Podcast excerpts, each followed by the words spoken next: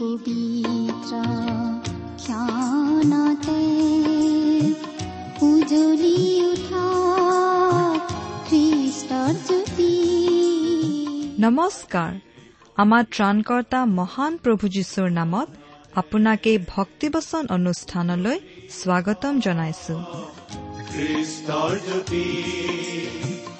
আকাশ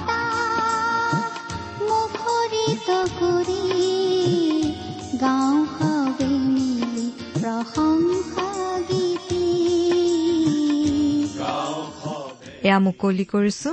ঈশ্বৰৰ জীৱিত বাক্যৰ ধাৰাবাহিক অনুষ্ঠান ভক্তি বচন।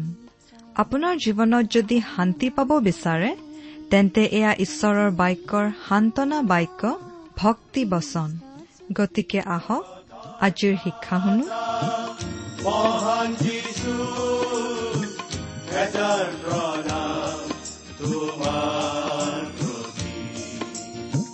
গ্ৰহণ কৰাই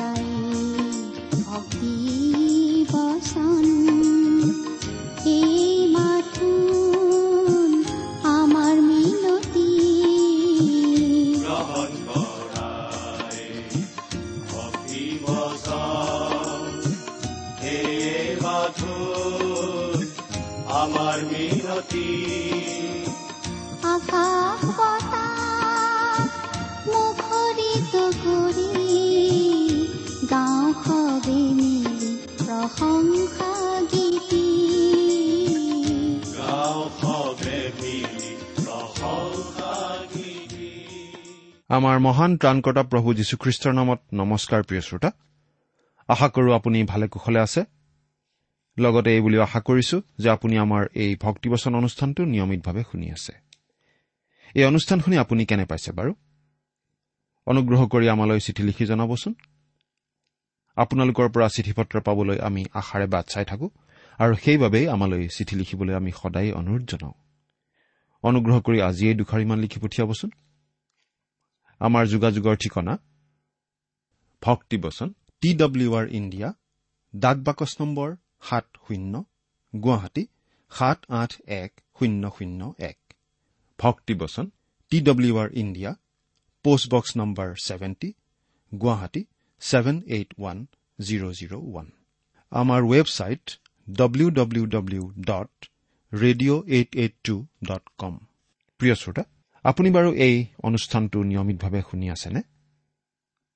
যদিহে নিয়মিতভাৱে শুনি আছে তেনেহলে আপুনি এই কথা নিশ্চয় জানে যে আমি এতিয়া বাইবেলৰ পুৰণি নিয়ম খণ্ডৰ মিশা ভাৱবাদীৰ পুস্তক নামৰ পুস্তকখন অধ্যয়ন কৰি আছো। নহয় জানো? যোৱা অনুষ্ঠানত আমি বাৰু কি আলোচনা কৰিছিলো? আপোনাৰ মনত আছেনে? যোৱা অনুষ্ঠানত এই মিশা পুস্তকখনৰ দুই নম্বৰ অধ্যায়ৰ বাৰ নম্বৰ পদৰ পৰা তিনি নম্বৰ অধ্যায়ৰ চাৰি নম্বৰ পদলৈকে পঢ়ি আমি আলোচনা আগবঢ়াইছিলো নহয়নে বাৰু?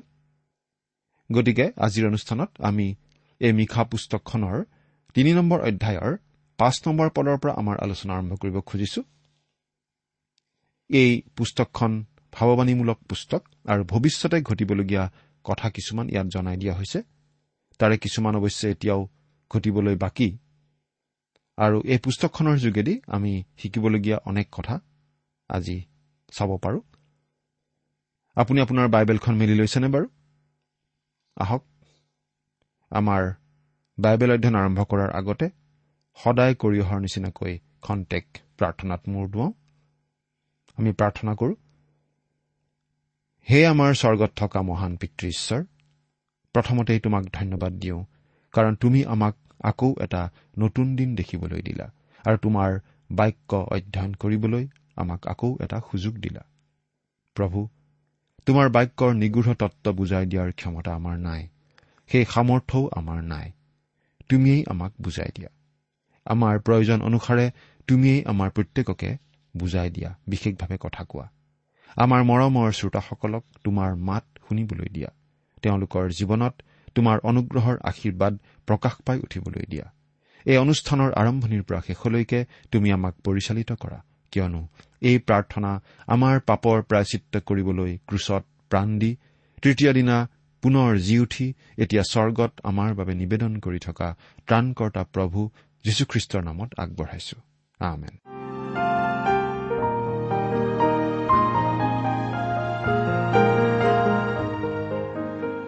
প্ৰিয় শ্ৰোতা মিশা ভাৱবাদীৰ পুস্তকৰ তিনি নম্বৰ অধ্যায়ত আমি পাই আছো ইছৰাইলৰ বিভিন্ন শ্ৰেণীৰ নেতাসকলৰ পাপৰ কথা।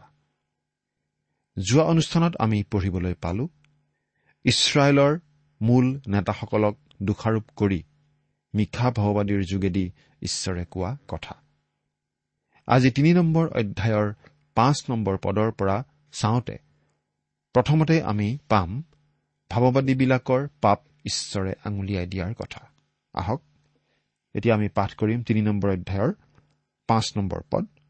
যি ভাৱবাদীবোৰে মোৰ প্ৰজাবিলাকক ভ্ৰান্ত কৰে নিজৰ দাঁতেৰে মঙহ চুবাই চুবাই মংগল বুলি চিঞৰি কয় আৰু নিজৰ মুখত একো নিদিয়া লোকৰ বিৰুদ্ধে যুদ্ধ নিৰূপণ কৰে সেই ভাৱবাদীবোৰৰ বিৰুদ্ধে জিহুৱাই এই কথা কৈছে। সেই ভুৱা ভাৱবাদীবিলাক আছিল হিংস্ৰ জন্তু অথবা ফটা জিভাৰ বিষধৰ সৰ্পৰ নিচিনা বিষ ঢালি দিয়া সাপৰ নিচিনা। আচলতে তেওঁবিলাক তাতকৈও ভয়ানক আছিল কাৰণ তেওঁলোকে মিঠা মিঠা কথা ব্যৱহাৰ কৰি মানুহবিলাকক আশ্বাস দিছিল আৰু দেশখনলৈ শান্তি আহি থকা বুলি মানুহবিলাকক মিছাকৈ ভুলাইছিল। শান্তি অৰ্জন কৰিবলৈ আৰু শান্তি স্থাপন কৰিবলৈ মানুহে কৰি থকা বৃথা চেষ্টাই আমাক আচলতে এই কথাটোৰ প্ৰতি সজাগ কৰি দিয়া উচিত যে মানুহে নিজৰ প্ৰচেষ্টাৰে এই পৃথিৱীলৈ কেতিয়াও শান্তি আনিব নোৱাৰে। শান্তি আহিব লাগে বুলি কামনা কৰিলে সেই বিষয়ে সঘনাই কৈ থাকিলে আৰু শান্তিৰ সপক্ষে ভোট দিলেই পৃথিৱীলৈ শান্তি নাহে। মিশা ভাওবাদীয়ে এইটো অতি পৰিষ্কাৰ কৰি দিছে যে এইটো এটা উপৰুৱা সমস্যা নহয়। মানুহে শান্তি বিচাৰে। কিন্তু সমস্যাটো এয়েই যে মানুহৰ অন্তৰখন কলুষিত। মিখাৰ সমসাময়িক আন এজন ভাৱবাদী জীচয়াই এই বুলি লিখিছিল মোৰ ঈশ্বৰে কৈছে দুষ্টহঁতৰ পক্ষে কোনো শান্তি নাই। জীচয়া সাতাৱন্ন নম্বৰ অধ্যায়ৰ একৈশ নম্বৰ পদ। আৰু জীচয়াই এই কথাটো তেওঁৰ ভাৱবাণীৰ শেষৰ পিনে তিনিবাৰ উল্লেখ কৰিছে। সেই তিনিওবাৰেই তেওঁ এই সিদ্ধান্তটোৱেই দাঙি ধৰিছিল যে আচল সমস্যাটো হৈছে মানৱ হৃদয়ৰ মন্দতা। যেতিয়া আমি কওঁ যে আমি আমাৰ এই সময়ত প্ৰকৃত শান্তি স্থাপন কৰিব নোৱাৰো তেতিয়া বহুতো নিষ্ঠাবান মানুহৰ পৰা আমি ওজৰ আপত্তি শুনিবলৈ পাওঁ। তেওঁলোকে আমাক হতাশাবাদী নিৰাশাবাদী বুলি ক'ব খোজে। তেওঁলোকে ক'ব খোজে আমি এই পৃথিৱীলৈ শান্তি আনিবলৈহে অনবৰতে চেষ্টা কৰি থকা উচিত। তেওঁলোক নিষ্ঠাবান লোক আৰু তেওঁলোকৰ যুক্তিবোৰ শুনিবলৈ ভালেই। কিন্তু মানুহে নিজৰ প্ৰচেষ্টাৰে শান্তি আনিব পাৰিব বুলি কোৱাটো অতি ভুল মতবাদ। আন সকলোৰ দৰে আমিও নিশ্চয় শান্তি বিচাৰো। কিন্তু আমি বিচাৰো ঈশ্বৰৰ ইচ্ছা আৰু আঁচনিমতেই সেই শান্তি আহক। প্ৰথমতে মানুহবোৰে জানিব লাগিব যে ঈশ্বৰৰ যোগেদি অহা সেই শান্তি কি? সেই কথা মানুহে কেনেকৈ জানিব পাৰে? আমি বাইবেলৰ পৰা এটা পদ পঢ়ি দিব খুজিছো। ৰুমিয়া পাঁচ নম্বৰ অধ্যায়ৰ এক নম্বৰ পদ। এইকাৰণে আমি বিশ্বাসৰ দ্বাৰাই ধাৰ্মিক বুলি গণিত হোৱাত আমাৰ প্ৰভু যীশুখ্ৰীষ্টৰ দ্বাৰাই ঈশ্বৰে সৈতে আমাৰ শান্তি আছে। ঈশ্বৰৰ সৈতে আমাৰ শান্তি স্থাপন নোহোৱালৈকে আন মানুহৰ লগত আমাৰ প্ৰকৃত শান্তি স্থাপন হ'ব নোৱাৰে। মানুহৰ অন্তৰখন বিশ্বাসযোগ্য নহয়। মানুহৰ অন্তৰখন অতি মন্দ। আমি যে আচলতে কিমান বেয়া সেইটো আমি নাজানো। এই পৃথিৱীৰ যিকোনো প্ৰাণীতকৈ আমি তললৈ নামি যাব পাৰো। মানুহ যে জন্তুৰ পৰা বিৱৰ্তিত হৈ হোৱা নাই তাৰ এটা প্ৰমাণ এইয়ে যে মানুহ জন্তুতকৈও অধম হ'ব পাৰে। কোনো জন্তুৱে মদ পান কৰি মতলীয়া হৈ নিজৰ সংগীক দুৰ্ব্যৱহাৰ নকৰে আৰু নিজৰ সন্তানক নামাৰে। মানুহ জাতিয়ে প্ৰথমতে অন্তৰত ঈশ্বৰৰ শান্তি লাভ কৰিব লাগিব। তাৰ পাছতহে এই পৃথিৱীলৈ শান্তি অহাৰ কথাটো চিন্তা কৰিব পাৰে। মিশা ভাৱবাদীৰ দিনত ভুৱা ভাৱবাদীসকলে শান্তি আহিব বুলি ভাৱবাণী কৰি আছিল। কিন্তু তেওঁলোকক ওচৰীয়া লোকবিলাকে আক্ৰমণ কৰি ধ্বংস কৰিবলৈহে সাজু হ'ব ধৰিছিল। আমাৰ সময়তো বিভিন্ন পক্ষৰ মাজত যুদ্ধৰ অৱসান ঘটাবলৈ শান্তিৰ মেজত বহি আলোচনা কৰাবলৈ প্ৰচেষ্টা চলি থাকে। কিন্তু যোৱা ছয় হাজাৰ বছৰত মানুহে কেৱল যুদ্ধই কৰি আহিছে। দেশৰ বিৰুদ্ধে দেশ জাতিৰ বিৰুদ্ধে জাতি। এটা পৰিয়ালৰ বিৰুদ্ধে আন এটা পৰিয়াল এজন ব্যক্তিৰ বিৰুদ্ধে আন এজন ব্যক্তি। আমি বাৰু কিয় এনেকুৱা কৰো? আমি জানো ইয়াৰ ফলত কাৰো লাভ নহয়। কিন্তু মানুহে এনে কাম কৰে কাৰণ মানুহ ঈশ্বৰৰ পৰা বিচ্ছিন্ন আৰু ঈশ্বৰৰ প্ৰতি বিদ্ৰোহী। আচল সমস্যাটোৰ মুখামুখি আমি হ'ব নোখোজো। কিন্তু আমি ভুৱা ভাৱবাদীৰ মিঠা কথালৈ কাণ দিওঁ কাৰণ তেওঁলোকে শান্তিৰ আগমন হ'ব বুলি কয়। যিহেতু তেওঁলোকে এনে কথা কয়। গতিকে তেওঁলোকৰ ওপৰলৈ নামি আহিব ধৰা দুৰ্যোগৰ কথা ঈশ্বৰে ঘোষণা কৰিছে। তিনি নম্বৰ অধ্যায়ৰ ছয় নম্বৰ পদটো পঢ়ি দিছো। নিশ্চয় তোমালোকে দৰ্শন পাব নোৱাৰাকৈ তোমালোকলৈ ৰাতি হ'ব আৰু তোমালোকে মংগল চাব নোৱাৰাকৈ তোমালোকলৈ আন্ধাৰ হ'ব। সেই ভাৱবাদীবোৰৰ ওপৰত সূৰ্য মাৰ যাব আৰু দিন সিহঁতৰ ওপৰত ডাৱৰীয়া হ'ব। তোমালোকে দৰ্শন পাব নোৱাৰাকৈ। অৰ্থাৎ ঈশ্বৰে তেওঁলোকক আৰু একো নতুন কথা নজনায়। তোমালোকলৈ ৰাতি হ'ব। তেওঁলোকলৈ যি বিপদ আহিব ধৰিছে সেই বিপদক অন্ধকাৰ ৰাতি বুলি কোৱা হৈছে। ঈশ্বৰৰ বাক্যৰ একো পোহৰ আৰু তেওঁলোকে নাপাব। ভাৱবাণী ঘোষণা কৰা বন্ধ হ'ব। নতুন নিয়মত পাচনি পৌলে এই কথা উল্লেখ কৰিছে। প্ৰথম কৰিন্থিয়া তেৰ নম্বৰ অধ্যায়ৰ আঠ নম্বৰ পদ। প্ৰেম কেতিয়াও লুপ্ত নহ'ব কিন্তু ভাৱবাণী হলে তাৰ লোপ হ'ব। লোপ পোৱা বুজাবলৈ ব্যৱহাৰ হোৱা গ্ৰীক শব্দটো হৈছে একপিপ্ত অৰ্থাৎ পৰি যোৱা বা এৰাই যোৱা। ভাৱবাণী লোপ পাব দুই ধৰণে। সেই ভাৱবাণীবোৰ ফলিয়াব আৰু দ্বিতীয়তে ঈশ্বৰে আৰু নতুন একো ভাৱবাণী প্ৰকাশ নকৰিব। পুৰণি আৰু নতুন নিয়মৰ মাজত প্ৰায় চাৰিশ বছৰৰ এটা নীৰৱ কাল আছিল আৰু সেই কালচোৱাত ঈশ্বৰে কোনো নতুন ভাৱবাণী প্ৰকাশ কৰা নাছিল। সূৰ্য অস্ত গৈছিল। শেষৰজন ভাৱবাদী মলাশীয়ে ঘোষণা কৰিছিল যে সূৰ্য আকৌ উঠিব। পাঠ কৰি দিছো মলাশী চাৰি নম্বৰ অধ্যায়ৰ দুই নম্বৰ পদ। কিন্তু মোৰ নামলৈ ভয় ৰাখোতা যি তোমালোক তোমালোকলৈ হলে ধাৰ্মিকতাৰূপ সূৰ্য সুস্থজনক কিৰণেৰে সৈতে উদয় হ'ব। তাতে তোমালোকে ওলাই গৈ গোহালিৰ দামুৰিৰ নিচিনাকৈ দেও দি নাচিবা। ৰাতিৰ আগমন নোহোৱা হলে মলাখীয়ে সূৰ্যোদয়ৰ কথা নকলেহেঁতেন। ৰাতিৰ অন্ধকাৰ আহিছিল। ইছৰাইলৰ লোকসকলে চাৰিশ বছৰ দীঘলীয়া অন্ধকাৰৰ মাজত প্ৰৱেশ কৰিছিল আৰু তাৰ পাছতহে প্ৰভু যীশুৰ আগমন হৈছিল। মিখায়ো একেধৰণৰ ছবি এখনকেই দাঙি ধৰিছে। এতিয়া পৃথিৱীৰ আগশাৰীৰ দেশ এখনৰ ক্ষেত্ৰতো একে কথাই ক'ব পাৰি। সেই দেশত প্ৰথমে বসতি স্থাপন কৰিবলৈ অহা লোকসকল বহুতৰ দৃষ্টিত বৰ্বৰ অসভ্য যেন আছিল যদিও তেওঁলোকে ঈশ্বৰৰ বাক্য জানিছিল। ঈশ্বৰৰ বাক্যৰ প্ৰতি শ্ৰদ্ধা আছিল। দেশখনৰ দুখন বিখ্যাত বিশ্ববিদ্যালয় আচলতে স্থাপিত হৈছিল।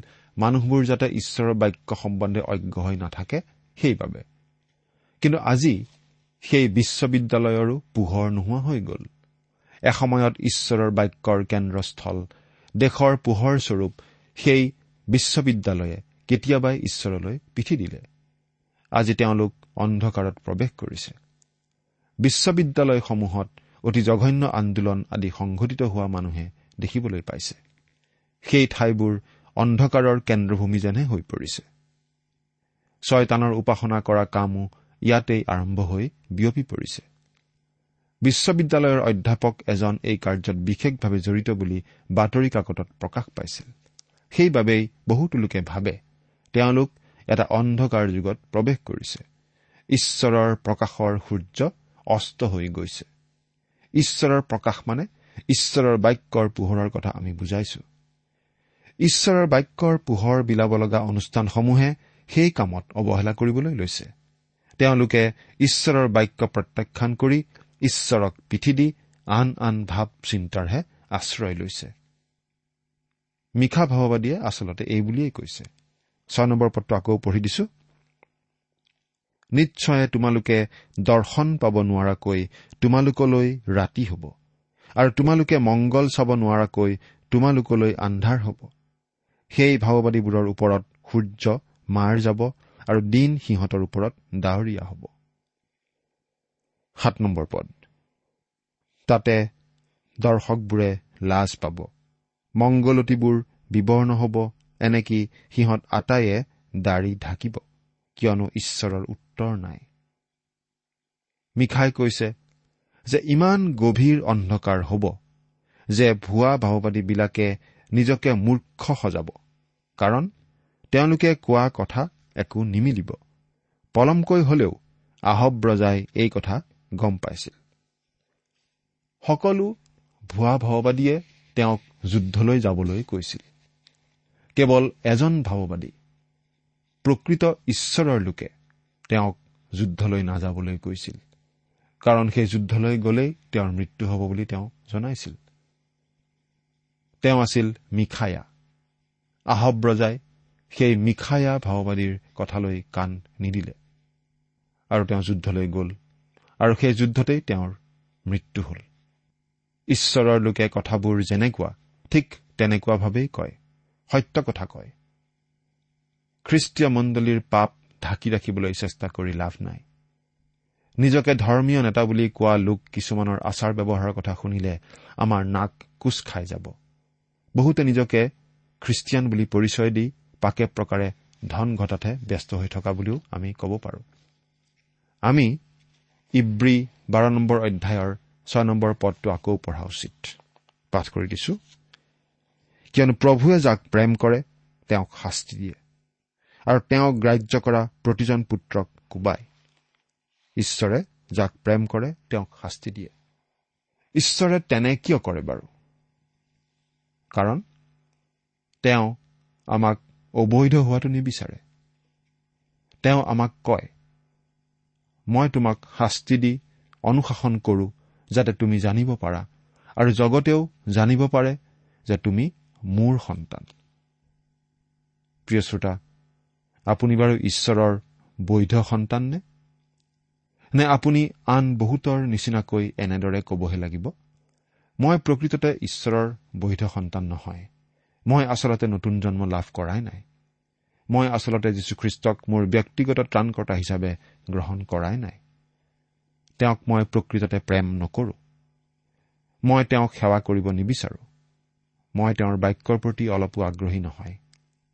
এৰা বহুতো ডিকন পালক ছানডে স্কুলৰ শিক্ষক প্ৰচাৰক আদিয়ে আচলতে এনেদৰে কোৱাৰহে উপযুক্ত। প্ৰিয় শ্ৰোতা মিশা ভাওবাদীৰ দিনৰ ভুৱা ভাওবাদীসকলৰ অৱস্থাও আচলতে একেই আছিল। তেওঁলোকে মানুহক মিঠা কথাৰে সান্তনা দিছিল। মানুহবোৰে যেনেকুৱা কথা শুনি ভাল পায় তেনে কথাকে কৈ তেওঁলোকে মানুহবোৰক সন্তুষ্ট কৰিছিল। আৰু মানুহবোৰেও তেওঁলোকক প্ৰশংসা কৰিছিল। ইমান যে ভাল শিক্ষক ইমান ধুনীয়া ধুনীয়া কথা কয় সকলো নিশ্চয় ঠিকে থাকেই চলি আছে সেইবুলি মানুহবিলাকে নিশ্চয় কৈছিল। তেওঁলোক লাহ বিলাহত চলি আছিল কিন্তু অনৈতিকতাৰ পয়োভৰ আছিল। এতিয়া মন কৰক মিখাই নিজকে সেই দলটোৰ পৰা পৃথক হিচাপে দেখুৱাইছে। আঠ নম্বৰ পদ।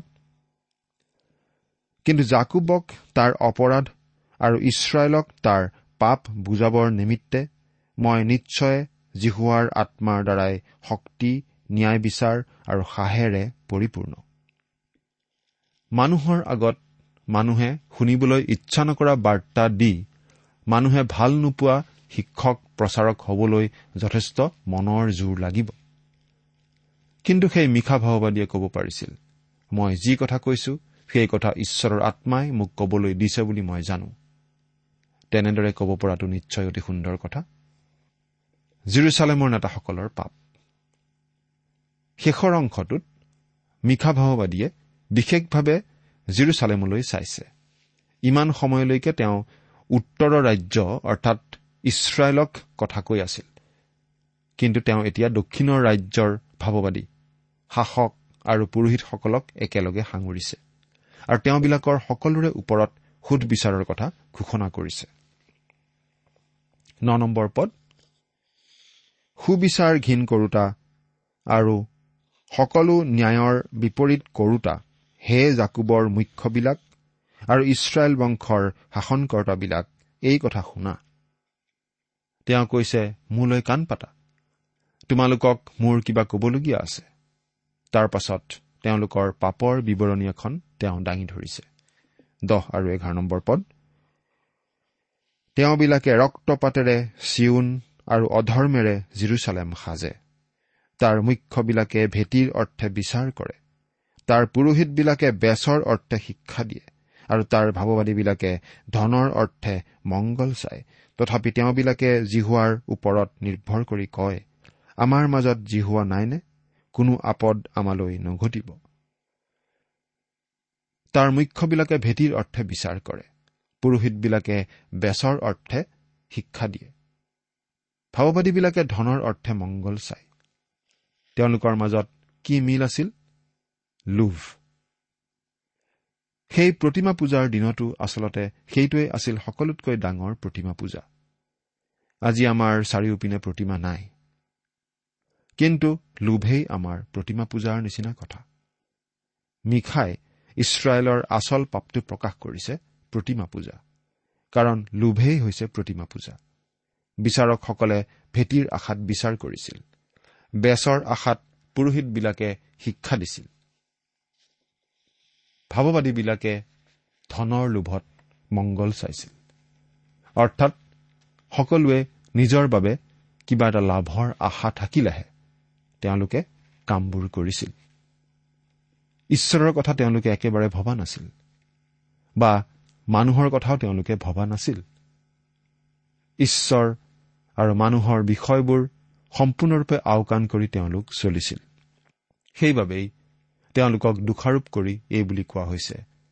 তোমালোকে নৰ মাংস ভুজিৰ দৰে সকলো গ্ৰাস কৰা লোভ আৰু ধনৰ প্ৰতি থকা লালসাৰ কাৰণে। যেতিয়া কোনো দেশৰ নেতা ধৰ্মীয় আৰু সমাজৰ মন্দ হয় তেতিয়া যিকোনো ধৰণৰ শাসন ব্যৱস্থাই সফল হ'ব নোৱাৰে। এয়ে আচলতে আমালৈ অহা নিশাৰ এটা গুৰুত্বপূৰ্ণ বাৰ্তা। বাৰ নম্বৰ পদ এই হেতুকে চিউনক তোমালোকৰ কাৰণে পথাৰৰ নিচিনাকৈ চহোৱা হ'ব জিৰচালেম ভগ্নৰাশী হ'ব আৰু গৃহতী থকা পৰ্বতখন কাঠনিৰ ওখ ঠাইবোৰৰ নিচিনা হ'ব। তেওঁলোকৰ পাপৰ কাৰণে জিৰচালেম নগৰখন সম্পূৰ্ণ জনপ্ৰাণীহীন হৈ পৰিব। জিৰিমিয়া ভাৱবাদীয়েও মিখাৰ এই ভাৱবাণীটোৰ উদ্ধৃতি দি এই ভাৱবাণী সমৰ্থন কৰি কৈছিল। নমুখত নেচৰ ৰজাই জিৰচালেম আক্ৰমণ কৰি ধ্বংস কৰোতে এই ভাৱবাণীটো আখৰে আখৰে ফলিয়াইছিল নহিমীয়া পুস্তকৰ প্ৰথম অধ্যায়কেইটাত আমি ইয়াৰ গুৰুত্বটো দেখা পাওঁ। নহিমীয়া জিৰচালেমলৈ উভতি যাওঁতে নগৰখন একেবাৰে ভাঙি ছিঙি যোৱা অৱস্থাতহে পাইছিল। নগৰখন পুনৰ নিৰ্মাণ কৰাটো অসম্ভৱ কাম যেন লাগিছিল। যিহুদীবিলাকৰ লিখনি তালমুদত এই কথা লিখা আছে সত্তৰ চনত টাইটাছ নামৰ ৰোমিয়া সেনাপতি এজনে জিৰচালেম ধ্বংস কৰোতে নাঙলৰ ফালেৰে জিৰচালেমৰ মন্দিৰৰ ভেটি পৰ্যন্ত উভালি পেলাইছিল। আনকি আজিও জিৰচালেম নগৰত এই ভাৱবাণী ফলিওৱাৰ চিন পৰি আছে। এৰা। প্ৰিয় শ্ৰোতা ঈশ্বৰৰ বাক্য কেতিয়াও অথলে নাযায়। যি ঘটিব লাগে বা যি ঘটিব বুলি ঈশ্বৰে জনাই দিছে সেয়া অৱশ্যে ঘটিব। ঠিক তেনেদৰে প্ৰভু যীশুৰ পুনৰ আগমন সম্বন্ধে ঈশ্বৰে জনোৱা ভৱিষ্যৎবাণীও আখৰে আখৰে ফলিয়াব। প্ৰভু যীশুক লগ পাবলৈ আপুনি বাৰু সাজুনে? চিন্তা কৰি চাওকচোন। ঈশ্বৰে আপোনাক আশীৰ্বাদ কৰক। আমেন।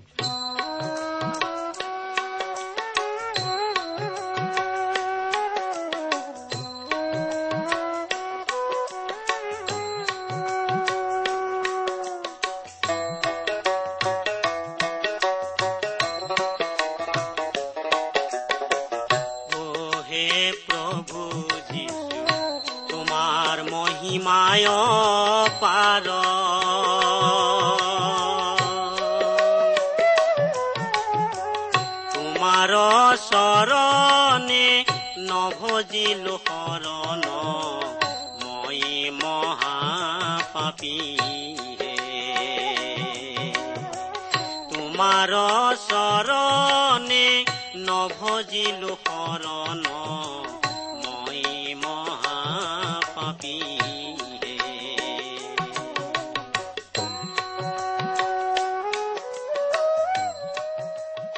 ইমান পৰে আপুনি ভক্তিবচন অনুষ্ঠানটি শুনিলে। এই বিষয়ে আপোনাৰ মতামত জানিবলৈ পালে আমি নথৈ আনন্দিত হ'ম আমি প্ৰস্তুত কৰা বাইবেল অধ্যয়নৰ আন চিডিসমূহ পাব বিচাৰিলেও আমালৈ লিখক। অনুষ্ঠানটি শুনি কেনে পালে আমালৈ চিঠি লিখি জনাবচোন?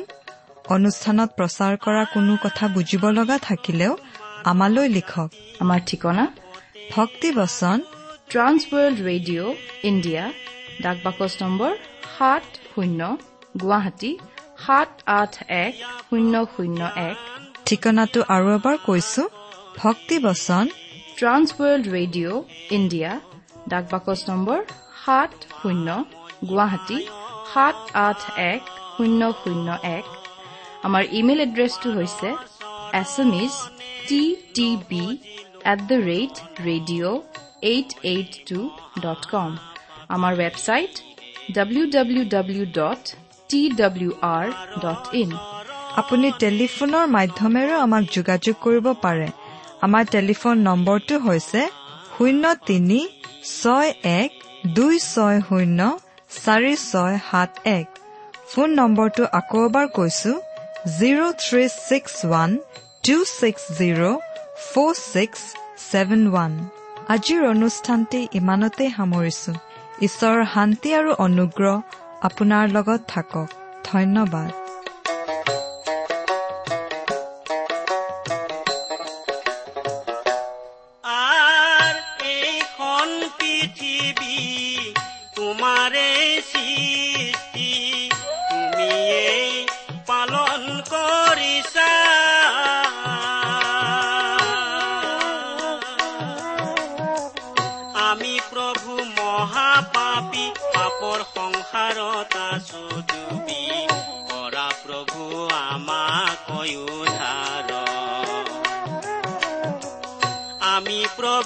মহাপাপী পাপৰ সংসাৰত আছো ডুবি কৰা প্ৰভু আমাক উদ্ধাৰ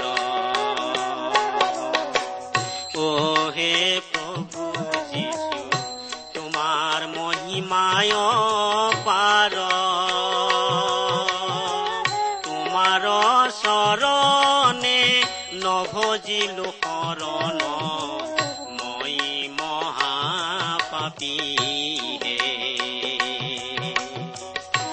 তোমাৰ চৰণে নভজিলো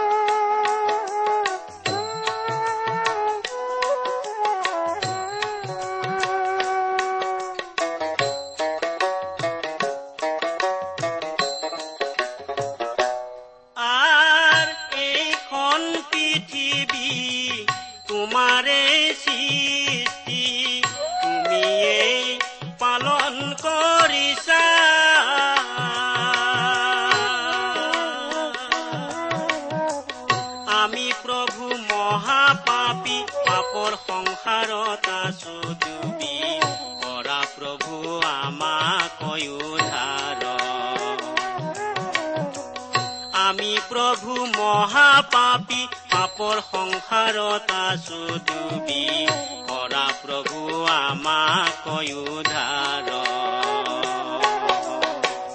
অ হে প্ৰভু যীশু তোমাৰ মহিমায় পাৰ